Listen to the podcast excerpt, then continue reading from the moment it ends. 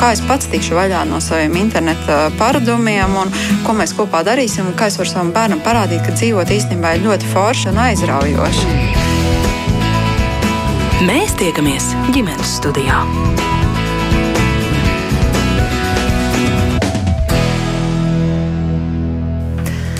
Labdien! Savu skanējumu sāk Latvijas radio viens rādījums ģimenes studija pie mikrofona Agnēs Linka un ar jums kopā arī viss šī rādījuma radošā komanda.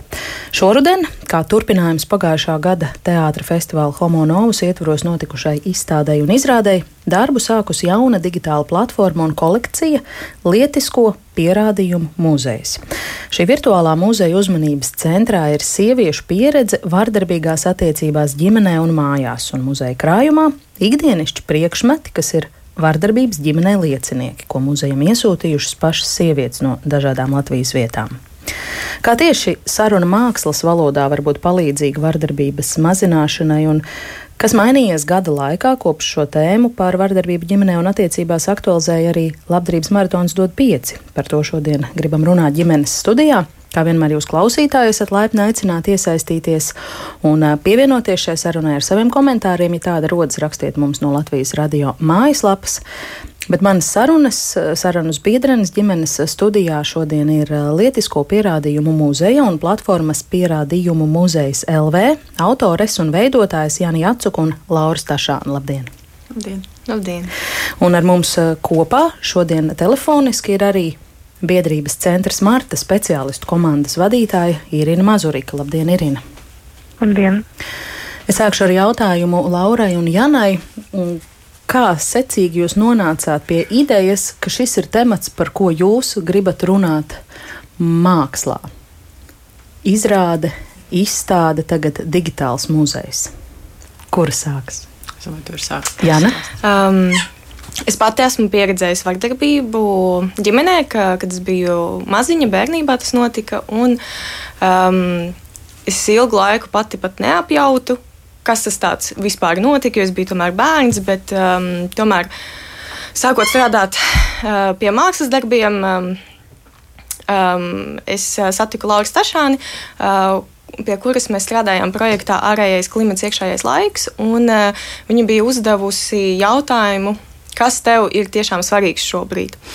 Un, um, un tā meklējot atbildi sevī, es arī sāku apzināties uh, to, kas nu, ir noticis bērnībā.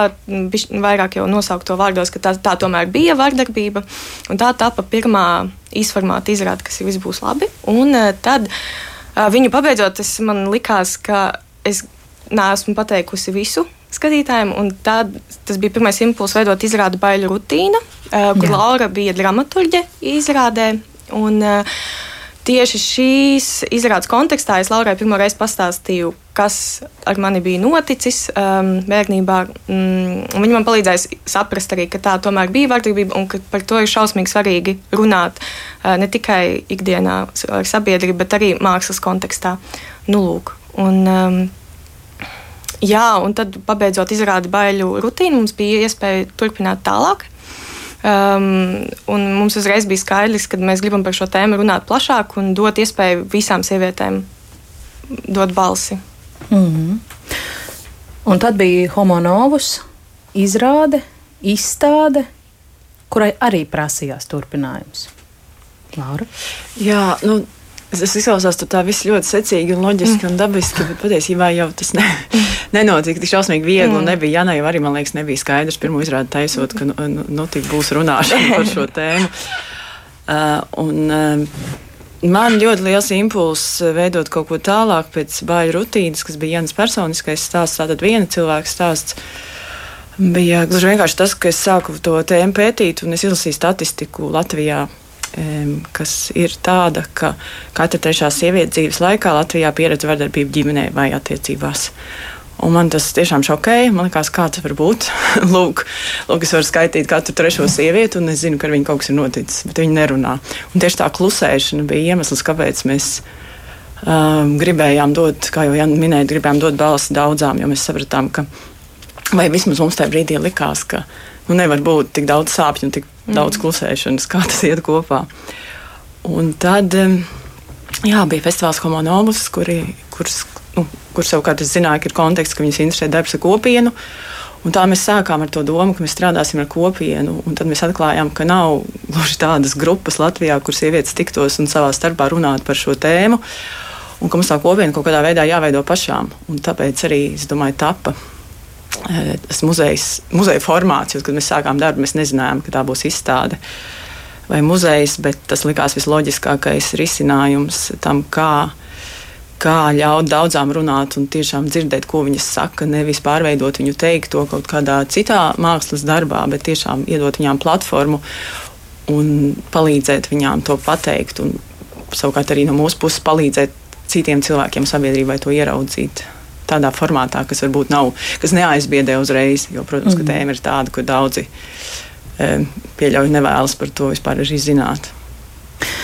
Beigu beigās digitāla sarunu platforma ir uh, sanākusi resurss, kā jau es uh, jums teicu, pirms ieslēdzām mikrofonu pierādījumu muzeja LV ir ļoti, ļoti iespaidīga vieta. Ja tiešām var ar sevi sarunāt, ka, ka, ka ir iespējams par to mm, runāt un domāt. Kāpēc tieši fiziski lietiskie pierādījumi, kāpēc tieši priekšmeti? um, mums bija ļoti svarīgi uh, veidot. Kad mēs taisījām projektu, mēs arī strādājām kop, ļoti cieši ar dalībniecēm, kas bija gatavas ar mums uh, uh strādāt kopā, kamēr mēs taisījām um, projektu lietas, ko pierādīja muzejs. Um, mums bija ļoti svarīgi ar Lauru veidot šo mākslas darbu kā drošu telpu viņām un arī dot iespēju anonīmi piedalīties.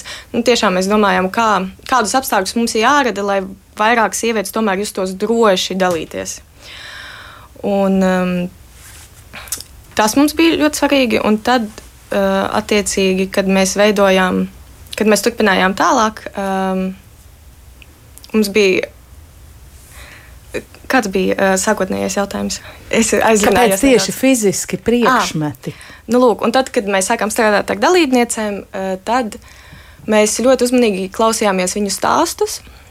Mm, mēs sākām pamanīt, ka lielākoties nav vai nu liecinieku, vai ir iesaistīti kādi priekšmeti, kas ir bijuši tie vardarbības epizodu liecinieki. Un mēs arī apkopojot visus tos priekšmetus, kuras, par kuriem viņi stāstīja, mēs sapratām, ka ar šiem priekšmetiem, kas ir tiešām ikdienišķi priekšmeti, kā piemēram krāsls vai, vai, vai dienas grāmata, um, kamera, uh, telefons, atslēgas. Ar viņiem nav iespējams aiziet uz policiju un pierādīt, ka tieši nu, ka ir notikusi tā vardarbība.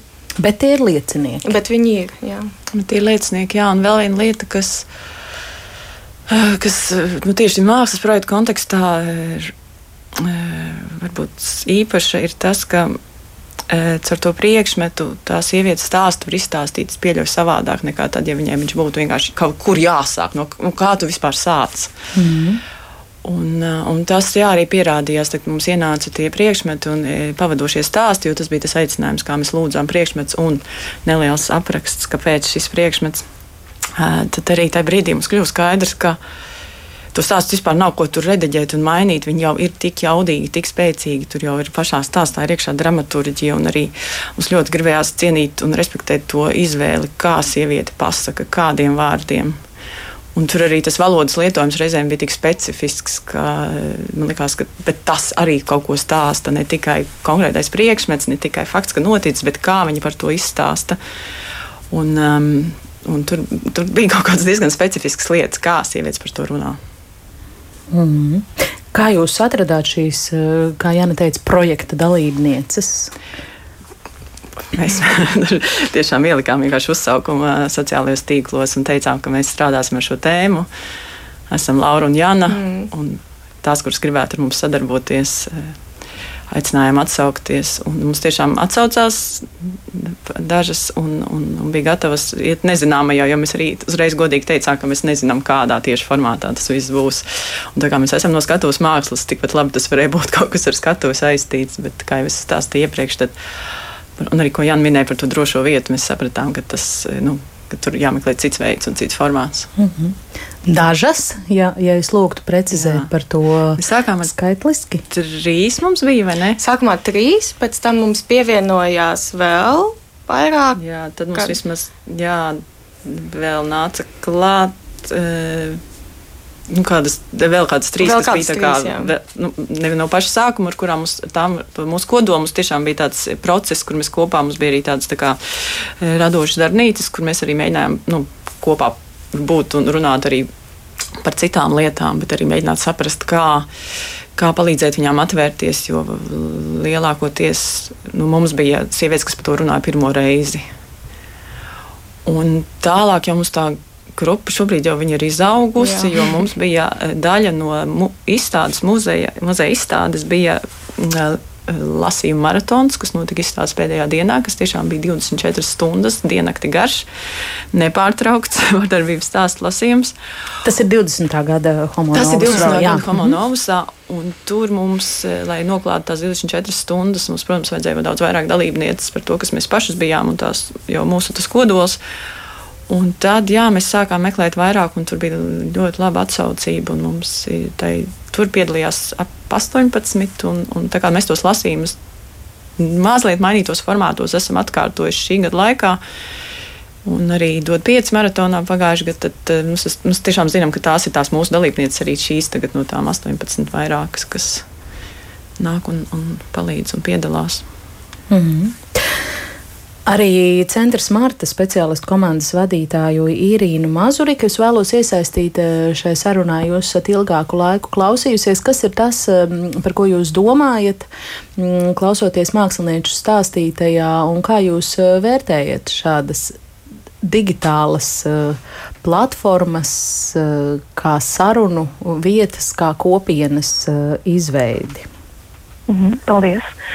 Pirmkārt, es esmu bijusi klātienē muzejā, un jāsaka, ka tā ir nu, tāda ļoti interesanta pieredze arī man, neskatoties uz to, ka es šādus stāstus dzirdu ikdienā, bet, nu, skudriņas muzejā es dabūju. Tā kā, un emocijas bija, tāpēc es domāju, ka muzeja mērķis bija sasniegts. Un eh, domājot tagad par digitālo versiju, eh, man šķiet, ka pirmkārt eh, Covid laikā tas ir ļoti apsveicami, ka mēs varam joprojām baudīt mākslu. Tas ir viens, un uzzināt vairāk cilvēku stāstus, tas ir divi. Un vardarbībai patīk klusums, tas ir tas, ko mēs kā speciālisti parasti sakām, jo tas ir tas, ko uh, viena puse vēlās noslēpt, bet otrā puse baidās pateikt.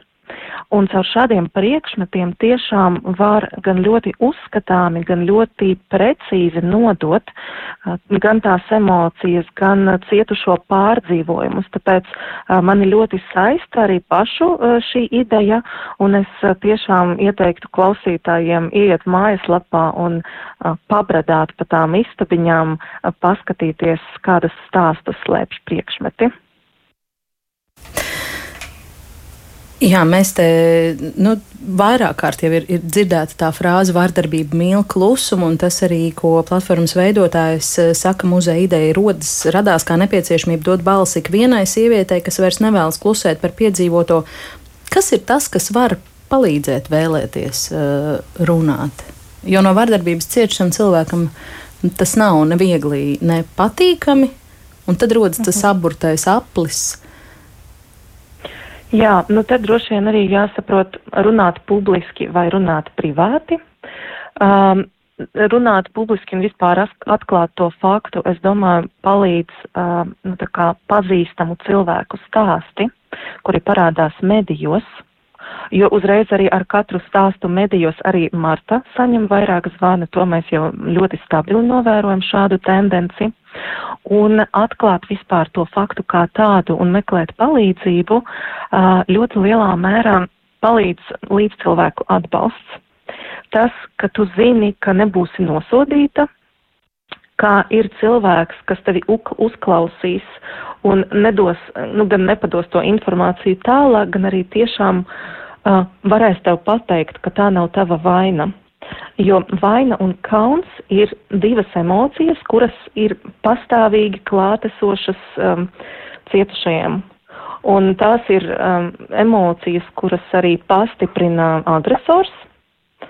Un, ja blakus ir kāds cilvēks, kurš, kuram ir aizdomas, ka kaut kas tur ģimenē varētu notikt ar slēgtajām, aiz slēgtajām durvīm, tad ļoti svarīgi būtu pateikt, uh, man šķiet, ka iespējams tev ir kādas problēmas, un es esmu šeit, lai tevi uzklausītu un uh, dotu vienkārši tā pleca sajūtu blakus. Un viss nevajag pat nu, ne savu viedokli, ne motivēt, aiziet, vienkārši būt klāt, un tad cilvēkam ir tā drošā vide, kur atklāt notikušo. Un, ja es atkal vēršos mirkli pie Lauras un Janas, tad jūs mudināt runāt sievietes par savu piedzīvoto, arī paskaidrojot, ka tas arī var palīdzēt citam cilvēkam just mazāk tieši Irīnas pieminētā kauna un baiļu. Jā, un, un nē, es absolūti piekrītu Irīnai. Vēl jau mēs arī domājam par to, ka, ka ir svarīgi, ka viņas zina tās, kas grib runāt, ka viņas zina, ka kāds klausās. Tas ir tas, ko Irīna arī teica, ka tu nerunā kaut kādā izplatījumā vai varbūt.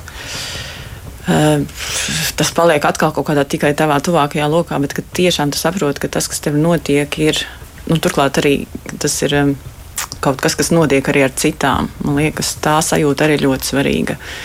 Ka tu neesi viena, pat ja tu viņas nesatiec.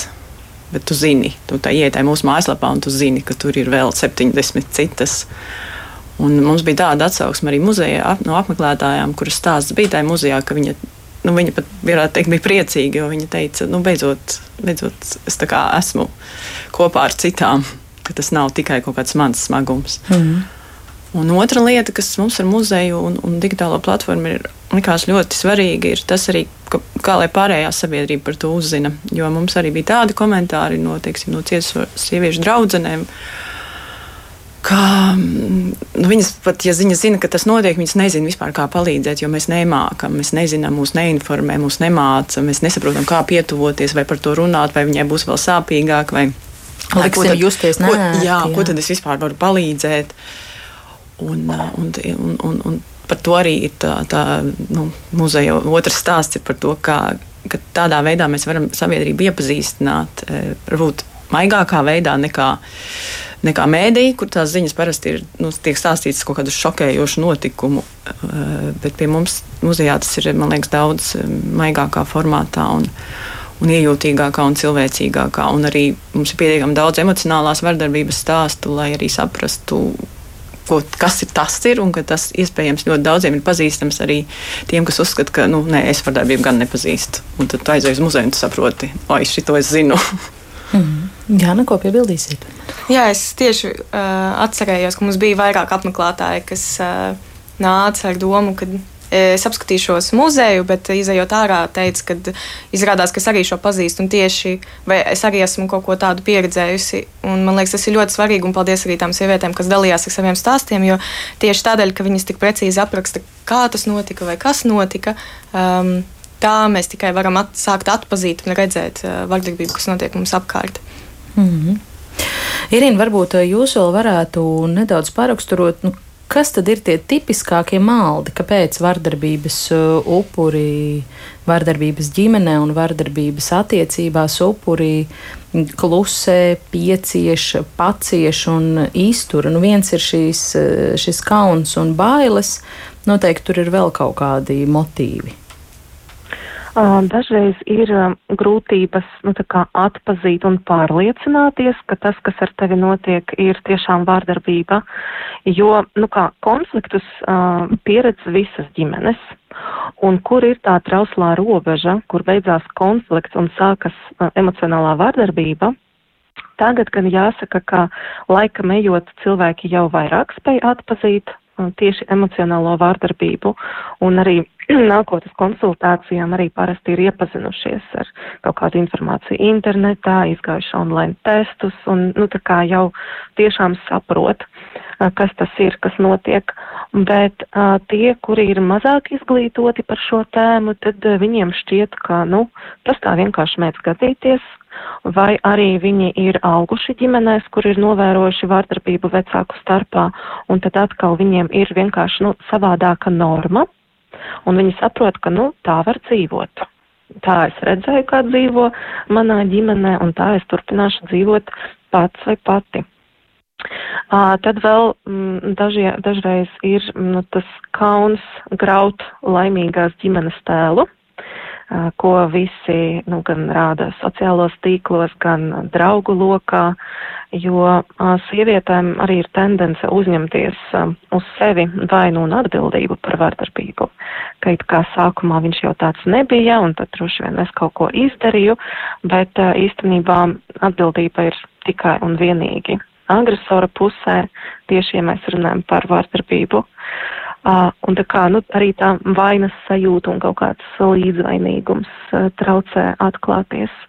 Un tad, protams, informācijas trūkums, um, bezspēks, ka vispār tur var kaut ko mainīt vai kaut ko darīt, jo, ja sieviete ir finansiāli atkarīga no partnera, tad, protams, tur ir daudz mazāk iespēja, nu, izrauties no tās situācijas, un tad vispār priekš kam cel šo jautājumu un kādam stāstīt, ja es tik un tā nevaru iziet no tām attiecībām. Bet tas atkal nav cietušo perspektīvas, jo tiklīdz mēs iedodam informāciju un resursus, tad, protams, tur ir nu, daudz vairāk iespēju kaut ko darīt. Mm.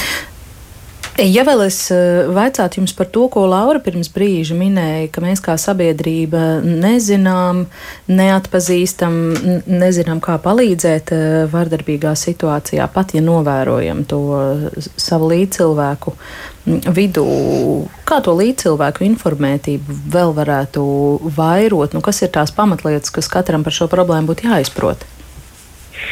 Uh, nu jā, šeit ir uh, divi tādi momenti. Viens ir informētība, un otrais ir uzskati un stereotipi. Uh, mūsu sabiedrībā tomēr ir mm, diezgan vēl izplatīta cietušo vainošana. Uh, to var pārbaudīt vai pārliecināties, palasot komentārus, kad uh, kaut kur publiski parādās. Um, stāst, vardarbības stāsti, tad, nu, liela sabiedrības daļa joprojām vai no cietušo, vai uzreiz novērš fokusu uz cietušo un tā kā, a, ko viņa darīja, a, kāpēc viņš, nu, viņš nesit jau tāpat vien, vai, nu, un tam līdzīgas lietas.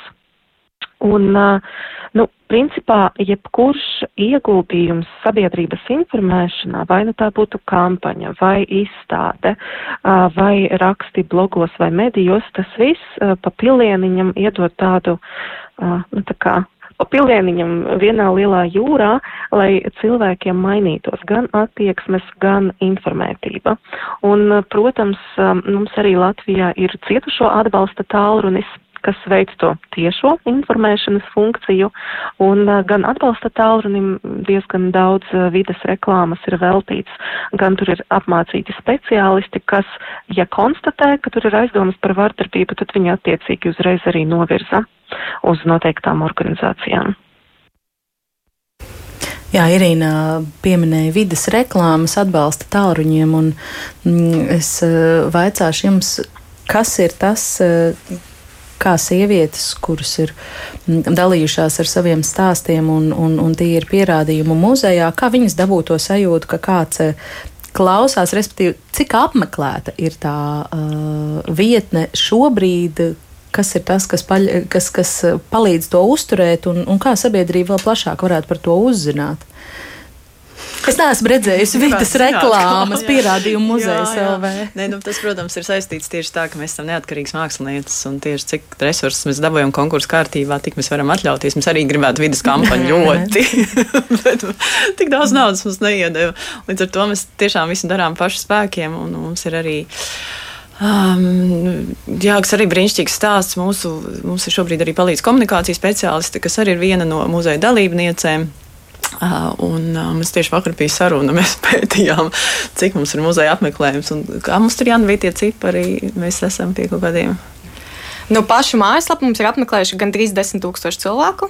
Uh, mums ir arī uh, mājaslapa uh, gan latviešu, gan angļu valodā. Latviešu valodu apmeklē ap 8000, un ap 2000 ir angļu valodas lietotāji apmeklējuši. Bet mums ir arī Facebook lapa un Instagram. Mūs var atrast, kā, ja kādam interesē, droši arī tur var mums piesakot pierādījumu mm. muzejs. Mm. Vai jums ir katrai kāds um, nu, tāds jūsuprāt visīpašākais? Uh, priekšmets vai kāds stāsts no muzeja krājuma? Lai radītu priekšstatu, varbūt jūs varat eh, to nosaukt un paraksturot. Hmm. Nē, nu man uzreiz jāsaka, mums, tā, kad, tā, kad mēs izstādi veidojām pirms gada, un ka mums tie priekšmeti sāka nākt beidzot, jo tur arī bija periods, kad nekas nenāca, un mēs domājām, nebūs. Mm. Tad, kad tie sāka nākt, mums tiešām katrs stāsts mm. un katrs priekšmets ir dārgs. Nu, mums bija tā, ka, un arī mums bija tā, ka reku pirmais stāsts par seksuālo vardarbību vai reku kaut kas tāds, nu, ka mēs tā kā arī redzējām, ka tas spektrs sāk atklāties, ka tur nav tikai viena tipa stāsti. Tā kā m, grūti izcelt, jo man liekas, tieši tas kopums, un kāpēc mēs arī veidojam to kā izstādi. Mēs arī tas, tas mūsu pienesums ir tas, ka mēs tā izstādē un arī mājaslapā dodam tādu tā kā um, ceļu, kā iet, vai mēs mazliet palīdzam virzīties pa to telpu. Nu, izstādes bija izteiktāk nekā mājaslapā. Un, un, un tas ir arī kaut kāds tas, um, veids, kā mēs mēģinām to atklāt un, un parādīt. Un, Līdz ar to tie stāsti viens otru kaut kā papildina. Un, un teiksim, ja mums ir šķēres, nu, ir tādi daži priekšmeti, kas ir populārāki nekā citi. Piemēram, šķēres, un ja mums ir trīs šķēres, mēs viņus noliekam blakām un ir trīs dažādi stāsti. Protams, ka tam ir citādāks efekts nekā vienām šķērēm. Un, um, es nezinu, man ir viens no stāstiem, kas man varbūt tagad ir galvā, ir um, par mašīnas um, gaisa atsvaidzinātāju Wunderbaum kociņu. To, nu, um, Jo man liekas, ka viņš tik kaut kā tik. Um, Tik, tik ļoti precīzi pasaka, tās tur ir par emocionālo vardarbību runa. Vismaz tajā stāstā es visu stāstu nezinu.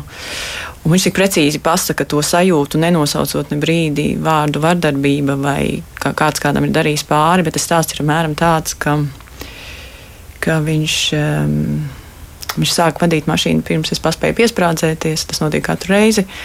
Un mašīnu viņš vadīja ātri un pārliecinoši, un, un neskatoties to, ka man tajā brīdī bija nepatīkami un bail, un tā bija sajūta, kas man pavadīja uh, visu mūsu attiecību laikā, un tagad jebkura sintētiska smarža man izraisa fizisku nelabumu. Man liekas, tur viss skaidrs. Nu, tā situācija tiek uzbūvēta tik precīzi, ka man liekas, ka jebkura sieviete, kas ir sēdējusi mašīnā ar, um, jā, ar šoferi, kuram viņa neusticas, ir zina to sajūtu. Bet, nu, tur ir klaustrofobi, tur ir bailes, tur viss kopā. Uh, Un tieši man liekas, tāda, nu, tā, tie stāsti, kas tev ļauj arī saprast, ko viņa jūt. Un tie, nu, bet tādi jau faktiski viss ir.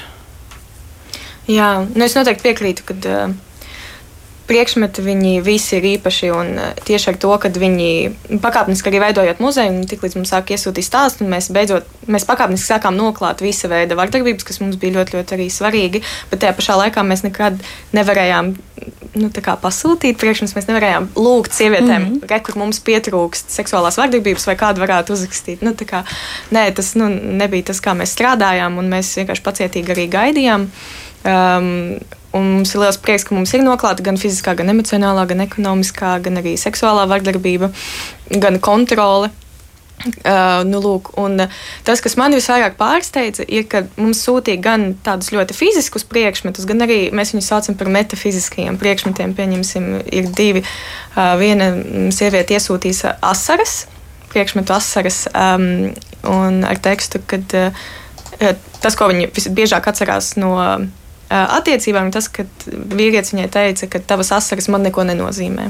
Un tas viņai bija vissāpīgākais no, no tā visa. Kaut arī mēs zinām, ka mēs, viņa bija viena no mūsu dalībniecēm, mēs zinām to visu stāstu. Mēs zinām, ka tur tiešām bija emocionāla vardarbība šajās attiecībās. Un otrs stāsts, kas man ļoti uzrunāja, bija. Viena sieviete atsūtīja astotnieku, ciparu astoņi. Iesūtīja mums arī bezpriekšmetā.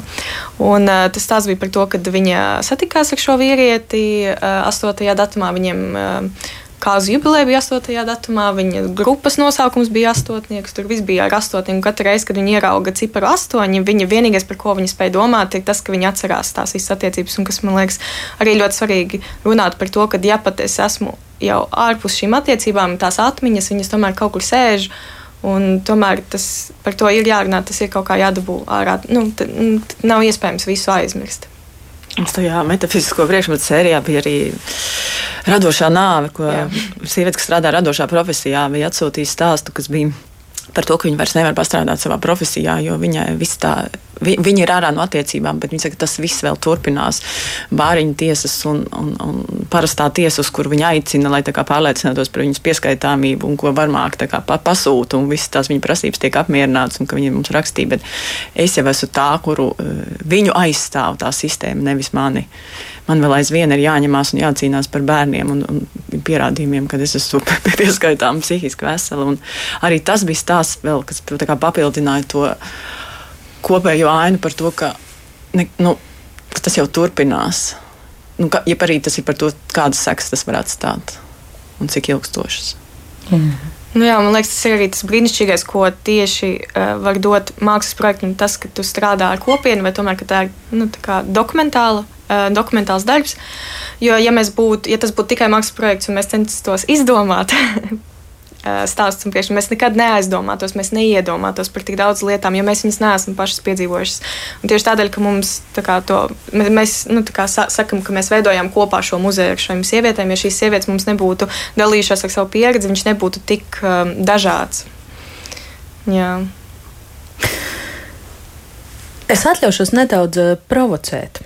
Un zem jautājuma kas ir mūsu šodienas virsraksts, kāpēc par to runāt mākslā, mm, likšu apakšu jautājumu, jeb tādu kā tēzi. Um, nu, mākslas patērētāji, kultūrāli cilvēki, tādi, kas interesējās par šiem procesiem, tas nav noslēpums. Mēs visi burbuļos dzīvojam. Ja? Šķiet, ka tā nav tā vardarbīgākā sabiedrības daļa, un savukārt tie, kas ir nu, tāds varbūt tipiskie mm, attiecību modeļi un, un, un sociālie slāņi, nu, tie taču varētu šķist imūni pret eh, visādiem kultūras piedāvātiem uh, narratīviem. Nu, man liekas, tas, tas ir, viens no mītiem. Stereotips. Jā, Irīna arī ierunājās reizē, ka tas ir stereotips. Mm. Dosim varbūt tad viņai vārdu. Jā, jā. jā. jā, tas patiesībā ir viens no mītiem ka uh, vardarbība ir tikai nu, tā saucamo zemāko slāņu problēma, bet uh, īstenībā, nu, ja mēs runājam tieši par Martas uh, cietušās portretu, nu, tātad tās sievietes, kuras nāk pie mums pēc palīdzības, tad tā ir sieviete 25 līdz 40 gadus veca. Viņai ir vidē profesionālā vai augstākā izglītība, darbs un bērni. Un tad tas jau nu, grauj šo mītu. Es runāju ar policiju, arī nu, diezgan daudz mums ir sadarbība, un polici, pašvaldības policija tieši stāsta, ka tie gadījumi, uz kuriem viņi izbrauc, pēc izsaukuma. Tur gan lielākoties ir alkohols un tie zemākie slāņi. Tātad vienkārši nu, dažādas sabiedrības grupas meklē palīdzību dažādos veidos, bet uh, vardarbībai uh, nav ne vecuma, ne izglītības, uh, un uh, es pat teiktu, ka uh, nu, izglītotiem, izglītotākiem, situētākiem cilvēkiem tāpat ir vairāk slēpta jo tā notiek aiz slēgtajām durvīm un varbūt klusiņām un vairāk eh, kontrolējot, nevis kaujoties, bet eh, tā ir. Mm. Jāna. Jā, un es arī gribēju piebilst, ka tad, kad mēs sākām, mm, veid, kad mēs pirmo reizi uh, veidojām uzsaukumu, ka mēs re, kur, uh, lūdzam sievietes iesūtīt, iesūtīt savus stāstus un priekšmetus, um, tā kā mēs tomēr abas divas esam no mākslas vides, um, sākumā tas pirmais lauciņš, kuru mēs, vai burbulīts, kurā mēs to informāciju varējām ielikt, bija, protams, visi kultūras portāli, uh, Facebook un uh, mūsu tuvākie kā, burbulīši, kas tomēr ir kultūras un mākslas patērētāji. Un mums tāpat nāca priekšā no, šīs, no šī burbuļa. Kā, un pēc tam, kad mēs jau mums uh, projekts auga, mēs jau varējām sasniegt arī citas sabiedrības slāņus. Mēs arī guvām priekšmetus no citiem sabiedrības slāņiem, bet nu, es gribu uzreiz pateikt, jā, ka mums arī no kultūras burbuļa ir bijuši iesūtīti stāsti, kas man liekas arī ļoti svarīgi par to, ka um, tiešām vardarbībai nav viena imiča vai sejas vai, vai, vai darba jā, slāņa jo viņi ir visur. Un es arī piekrītu to, ka tomēr inteliģentākās ģimenēs ir grūtāk viņu mm, pamanīt, jo tiešām cilvēki baidās daudz vairāk um, atklāties, kur nu vēl izsaukt policiju. Mm. Nav arī par šo vēl kas. Es domāju arī par to, ka, ka jā, un, protams, arī mums bija ļoti svarīgi, ka mēs varam no tā burbuļa izlausties un arī sasniegt sievietes, kas nav Homonovus apmeklētājas. jā, jā, jā, tieši tā. Un, un, un, bet, jā, tieši tāpēc, ka mēs strādājam dokumentāli, mēs arī redzējām, tīri pēc aprakstiem, nu, kur tas ir noticis. Reizēm to var arī saprast diezgan skaidri. Tas nav Rīga, tā nav pilsēta. Un arī no rakstības veida un valodas lietojuma var saprast, no kurienes vai nu, kā, kāds cilvēks apmēram tas ir. Un līdz ar to mēs varējām redzēt, ka jā, mums paplašinās, mēs esam ārā no, tas, no tā savu burbuļu. Un, bet otra lieta, kas man liekas ir svarīga, ir, ka um, ka nu, no vienas puses tas viens burbulis jau var citam dot kaut kādu piemēru. Arī ir kādam jāsāk. Nu, mēs nevaram gribēt aptvert pilnīgi visu sabiedrību, kas man liekas ir neiespējami. Bet man liekas, ja mēs pamatīgi sakustinām kaut vai to vienu burbuli, tad tur kaut kas sākās. Un no tā, manuprāt, aiziet tās plaisas tālāk, tā kā zemestrīce, viņas aiziet kaut kur tālāk, un viss tā kā sāk kratīties. Un līdz ar to arī citi vairs nevar klusēt, vai citi arī saprot. Ja jau tur notiek, tad nu, es taču arī varu pateikt, ka man ar tā notiek. Mm. Irīna, vēl viens jautājums jums. Ja pandēmijas sākuma posmā mēs visi atceramies, dzirdējām ziņas, ka strauji pieaug to policijas izsaukumu skaits, kas saistīta ar vardarbību ģimenēs. Kāda ir situācija tagad, ja jūs to novērtētu pēc jūsu klientu skaita? Mm -hmm. uh, mūsu klientu skaits šobrīd ir lielāks nekā pirms pandēmijas. Uh, un, principā, uh, pieprasījums pēc pakalpojuma pārsniedz uh, mūsu uh, piedāvājumu, un uh, mēs arī ļoti saudzējam uh, savus speciālistus, jo, nu, izdegšanas risks tas ir kā, nu, liels kā tāds uh, mūsu profesijā, bet vēl uh, ar visu klientu ska, nu, skaita palielināšanos vēl jau vairāk. Uh, mums tāds būms bija pandēmijas sākumā, tajā pašā brīdī, kad policijai pieauga izsaukumi, tad mums, mēs pat konstatējām, ka divreiz vairāk. Un šobrīd par kādiem nu, 40 līdz 60 procentiem vairāk nekā pirms pandēmijas, tur arī svārstās pa mēnešiem. Bet ir, ir vairāk zvanu, jā. Pirms gada Mēdīļu labdarības maratonā dod pieci tika vākti līdzekļi arī vardarbības upuru atbalstam. Kopā mēs toreiz saziedojām 407 tūkstošus eiro vai nedaudz vairāk. Te, te jau klāt ir nākamais dod pieci, bet kā tad ritē pagājušā gadā gūto līdzekļu izlietojums un eh, kāda ir situācija no viņas skatu punkta. Mēs eh, tagad vaicāsim Rūtai Dimantai no Ziedot LV. Rūta arī šobrīd pievienojas mūsu sarunai. Labdien! Jā, labdien! Es eh, vaicāšu, kā šis gads ir pagājis, jūs to paraugās no tāda jūsu profesionālā skatu punkta, tieši vērtējot šo vardarbības ģimenē aspektu. Kāda ir mm, šī palīdzības lūgumu dinamika? Ko jūs vērojat? Jā. Jā, nu mēs eh, tūlīt pēc dod pieci akcijas noslēgumu, kad šī tēma bija aktualizēta um, visos sabiedriskos mēdījos, dažādos formātos, novērējam to, ka cilvēki, sievietes un vīrieši bija gatavi lūgt palīdzību un ļoti daudz arī mēs saņēmām no draugiem, kaimiņiem cilvēku, ka ir nepieciešama palīdzība un, un mudinājumu, lai tas cilvēks piesakās. Un, ja tā tēma, teiksim, kļuva sabiedrībā klusāka, vairs nebija tāda, nu, teiksim, kampaņas, jo tie pieteikumi kā, nāca mazāk uz vieto veikumu sarakstu ar nodevām partneru organizācijām. Nu, tas liecina par to, ka nu, par to, ka, par to, ko nerunā, tā nav. Tā ir viena mūsu tāda atziņa. Bet, ja mēs skatāmies par to, kā mums ir gājis tīri tādos skaitļos, tad um, no tiem vairāk kā 400 tūkstošiem eiro ziedojumiem ir izlietot tagad jau nepilnī mm, 150 tūkstoši. Un, um, ir saņemts 175 pieteikumi. Tas ir par visām organizācijām kopā, kas, kas uh, sniedz palīdzību, tad sadarbības partneri. Nu, un tas, ja var teikt, tā populārākais palīdzības lūkšanas, tas, tas veids, ko, ko, kas vardarbībā cietušam cilvēkam bijis nepieciešams no ziedojuma, tā ir psihologa apmaksa. Uh, un tā ir dažādas sadzīves uh, nu, lietu atbalsts, kā piemēram pārtika vai, vai pārcelšanās lietas un arī medicīniskie izdevumi, bet uh, psihologs un psihoterapija ir bijusi tas nu, galvenais, ko ir lūguši apmaksāt.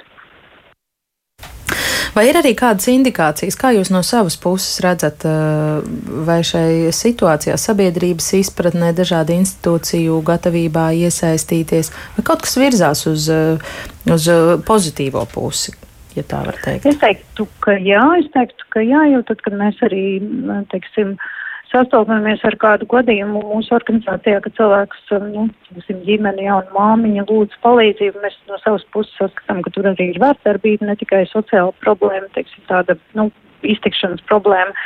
Un uh, mudinām vērsties pie savas pašvaldības arī pēc palīdzības. Un tā uh, cilvēki ir gatavāki vērsties un arī institūcijas ir vairāk kā, nu, sadzirdējuši un šo vienkārši vairs bieži vien, nu, neatstāja kā ģimenes, tā jau ģimenes lieta? Nu, mazākajā, mazākās, mazākos pagastos ar to joprojām ir problēmas, jo dažkārt sazvanot sociālo darbinieku, tad ir jau šai ģimenei, kur tā E, kur uzlikts ir tāds zīmoks, jau nu, tā jau ir tā ģimene. Ja? Tādās mazās kopienās varbūt, kur ir tāda, nu, zīmogi salikti sabiedrības dažādām grupām, ir grūtāk. Bet um, teikt, ka, ka, ka ja mēs ejam uz tādu uz labāku informētību, lielāku iesaistīšanos. Vai jums nāk arī prātā kādi aspekti, kas, kas buksē tādu pareizo virzību, teiksim, uz, uz vardarbības mazināšanu, kas joprojām ļauj tai zelt un plaukt un pastāvēt? Nu, tur tā ir lieta, ko mēs eh, nekādos ministru kabineta noteikumos vai likumos neierakstīsim. Nu, tā ir vienaldzība. Nu, ja cilvēks, kurš strādā kādā noteiktā jomā, policijā vai sociālā dienestā šos ir vienaldzīgs nesaskats, tad mēs tur ar, rīkojumu neko nevaram izdarīt. Nu, tīri tāda cilvēciskā attieksme, kā katrs, kas dara to darbu, kas saskarās ar vardarbības gadījumiem, to šo vardarbību izprot. Un, ja ir vienaldzība no nu, kādas personas puses, nu, tad, tad tas, ir, tad, tad tas ir tas grūtākais cauršišanas, teiksim, viedoklis. Ja mēs paskatāmies pēc tādiem, nu, no, E, teiksim, pašvaldības aizstošiem noteikumiem, nu, ir iespējas un var sniegt palīdzību, bet var, protams, pateikt, nē, mums tāda punkta nav, konkrēti vardarbība tāda un tāda un, un iecirsties un neko nedarīt. Nu, es teiktu, tā ir tāda e, joprojām cilvēciska attieksme. Um, un, nu jā, paudžu, varbūt arī tāda paudžu konflikti, jo es skatos, ka vecākās paudzes, teiksim, nu arī kodos ģimenes konfliktos, kas pie mums ir nonākuši, Nu, vecākā paudze, nu, tie, kas jau ir 60 plus, šo uzskatu par lielu negodu. Bieži vien un nenes ārpus ģimenes, tad jaunākas paudzes ir gatavas par to runāt un, un vairāk sevi kā, nu, kā autonomu personu redzēt, nevis kā tikai ģimenes locekļu, ka visi jāapstur ģimenē. Es domāju, tas arī mainās ar paudzēm. Lielas paldies, uh, Rūta, tātad Rūta Dimante no Ziedot LV.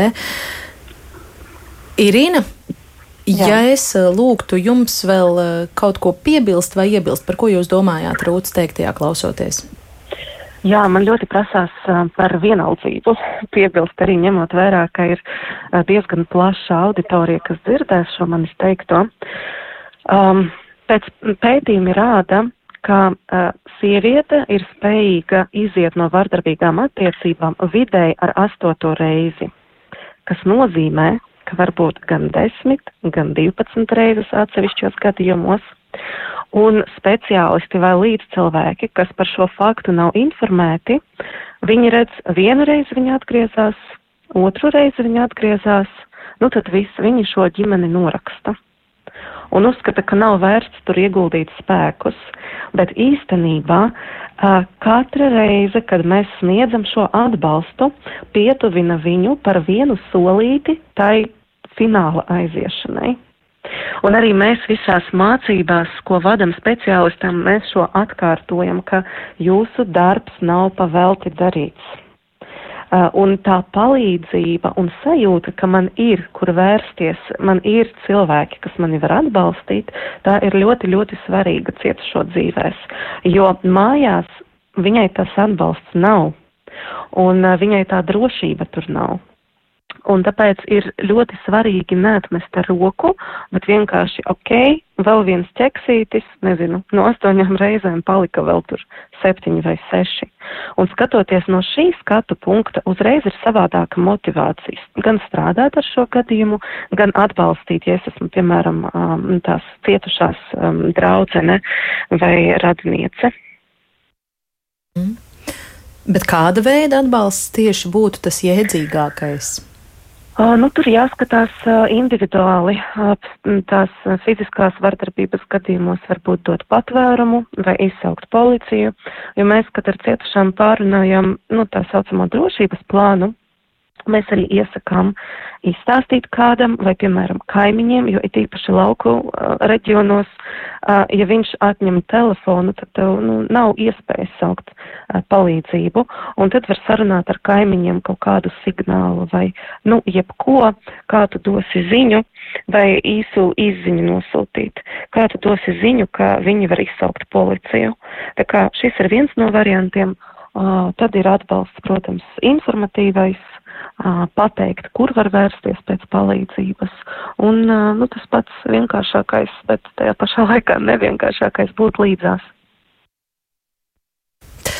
Jā, un visbeidzot, Laura un Jāna, vai jums ir kaut kas, ko jūs vēlētos piebilst, varbūt pie Rūtas teiktā par to vienaldzību? Jo tas ir tieši tas, pret ko māksla iestājas pret vienaldzību. Jā, es jau domāju, mēs jau, nu, protams, tie speciālisti, kas strādā tajā jomā, viņi konkrēti arī runā par speciālistiem, par speciālistu vienaldzību. Vai spējām ar to tikt galā, bet man liekas, nu, mūsu gadījumā tas noteikti ir daudz plašāk. Mēs domājam tiešām par tādu, kā mēs varam ar mākslu ietekmēt plašāku sabiedrību. Un tas ir par pārmaiņām sabiedrībā, tas ir par to, ka tā vienaldzība e, tiek nu, ka visa sabiedrība apzinās, ka tas kaut kādā veidā uz mums attiecas. Un, eh, man liekas, tas stāsts mūsu gadījumā ir par to, kā, kāpēc arī mēs sakām, ka mēs gribam, lai arī ne tikai mums tūta stāstus, un tā lapa ļoti lielā mērā ir no tām, kas cietuši no vardarbības, bet arī tiem, kas domā, ka viņi par to neko nezina vai ne, negrib zināt. Mm. Un, man liekas, tas, tas ir tas mūsu stāsts un, un, un tas, ko mēs gribam sasniegt. Jā, jo mēs esam līdzatbildīgi jebkurš no mums, ja mēs uh, zinām, mēs jau esam līdzatbildīgi. Un tad ir tas jautājums, ko es ar šo informāciju iesāku. Vai es uh, dodu atbalstu, vai es uzklausu, vai es tomēr izliekos, ka uh, es neko nezinu, un tad ģimene lai tiek galā pati, kas nu, tieši būtu nu, sliktākais, jā, ko darīt šajā gadījumā. Un mums arī muzejā pašā ir um, vairāk stāstu, vairāk sievietes ir atzinušas, ka tad, kad viņas ir stāstījušas savam draugiem vai tuvākajiem radiem, kad viņi ir teikuši, ka kā tas ir iespējams, es neticu. Un ka sievietei jādzīvo ar šo visu informāciju vienai pašai, tā tēma ir diezgan vientuļa. Ja viņa ir gan klusa, gan arī vientuļa, tāpēc mums ar muzeju mums liekas ļoti svarīgi par to runāt, lai parādītu to, ka mēs neesam vienas un mums nav jādzīvo ar šo informāciju vienām pašām. Un ir ļoti daudz cilvēki, kas ir gatavi uzklausīt un mm. palīdzēt. Jā, es domāju, mūsu gadījumā tas ir mm. par to, ka mēs re, arī sakām, ka arī mēs esam Jā. gatavi uzklausīt, mm. un mēs mm. neesam speciālisti. Mēs esam Jā. tā teikt, parasti sabiedrības cilvēki. Man liekas, tas ir tas vēl viens mm. signāls, ko mēs gribam dot, ka ir pietiekami daudz cilvēku, kas grib uzklausīt, kas ir gatavi mainīt kaut kādus arī savus ieradumus vai, vai reaģēt noteiktās situācijās, vai arī vispār aizdomāties par varas attiecībām un ko, nozīmē, ko tas nozīmē un kā ar to strādāt. Mm -hmm. Un tas arī nozīmē, protams, cilvēkam pašam sev atzīt, ka pret mani ir vērsta mm. vārdarbība bijusi. Noslēgsim varbūt ar kādu klausītāju komentāru. Romāns eh, raksta, ka viņš ļoti priecājas, ka šī tēma ir nedaudz pacelt, un pareizi jūs sakāt, ka vardarbībai nav viena imidža, bet jūs necik nerunājat par vardarbību ģimenēs, kur cietēji ir vīrieši. Šī situācija savā veidā ir vēl briesmīgāka jo nav pieņemts, ka vīrietis grieztos pēc palīdzības. Vīrietis turpinās ciest vardarbību līdz uh, salūzīs un atbildēs ar vardarbības aicinu muzeja meitenes ievākt arī kādu vīriešu stāstu. Jūs esat uh, malači, ļoti vajadzīga tēma, par to ir jārunā. Šeit neviena diskusija par vardarbību pret sievietēm ģimenē neiztiek bez tā, ka kāds uh, neuzraksta, kā tad ar vardarbībā cietušajiem vīriešiem. Jā, mums ļoti bieži šis jautājums izskan. Un? un? Nē, nu, Protams, statistika rāda to, ka tā ir vislielākā mērā sieviešu problēma procentuāli nesalīdzināmi. Bet es tiešām gribu iedrošināt un teikt, ka tas nekas, ka mēs uzrunājam sievietes un sakām, tā kā sieviešu dzimtē sūtiet stāstus, mēs tiešām ne, nenoraidīsim. Mēs labprāt un ļoti ar prieku pieņemsim arī stāstus no vīriešiem. Un mums arī bija muzejā, e, nu, būtiski pa vienam, bet tas mums bija liels, liels prieks, ka Eh, arī Tallinā mēs šo muzeju taisījām. Arī tur bija vīriešu stāsts, Rīgā bija vīriešu stāsts pa vienam, bet viņi parādās. Un tas, ka mm. viņi neklusē, kā jau Romāns pareizi teica, tas mūsu sabiedrībā vīrietim ir vēl grūtāk, jo viņš tiek uzskatīts, kamēr sieviete tiek uzskatīta par emocionālu, viņa drīkst runāt par emocijām. tad vīrietim ar to jātiek galā kaut kā pilnīgi savādāk. Bet, um, tā problēma ir viena tā pati. Un, jā, lūdzu, vīrieši rakstiet arī. Mm. Irīna, jums ir noslēdzošais komentārs varbūt? Saistībā ar šo pēdējo. Jā. Tiešām šos šāda veida komentārus mēs arī dzirdam. Es vēlos teikt, ka nu, tie pakalpojumi, ko mēs sniedzam, viņi ir dzimuma neitrāli. Nu, tas nozīmē, ka gan valsts, gan dot pieci finansējums ir paredzēts arī vīriešiem, uh, kas vēlās saņemt palīdzību, tāpēc uh, droši var vērsties, uh, konfidencialitāte garantēta un mūsu speciālisti ir nu, absolūti atbalstoši arī uzklausot vīriešus. Tā kā, nu, Mums, kā speciālistiem, tā nebūtu grūtība. Galvenais pašiem cietušiem vīriešiem saņemties un aiziet nu, vismaz uz pirmreizējo konsultāciju.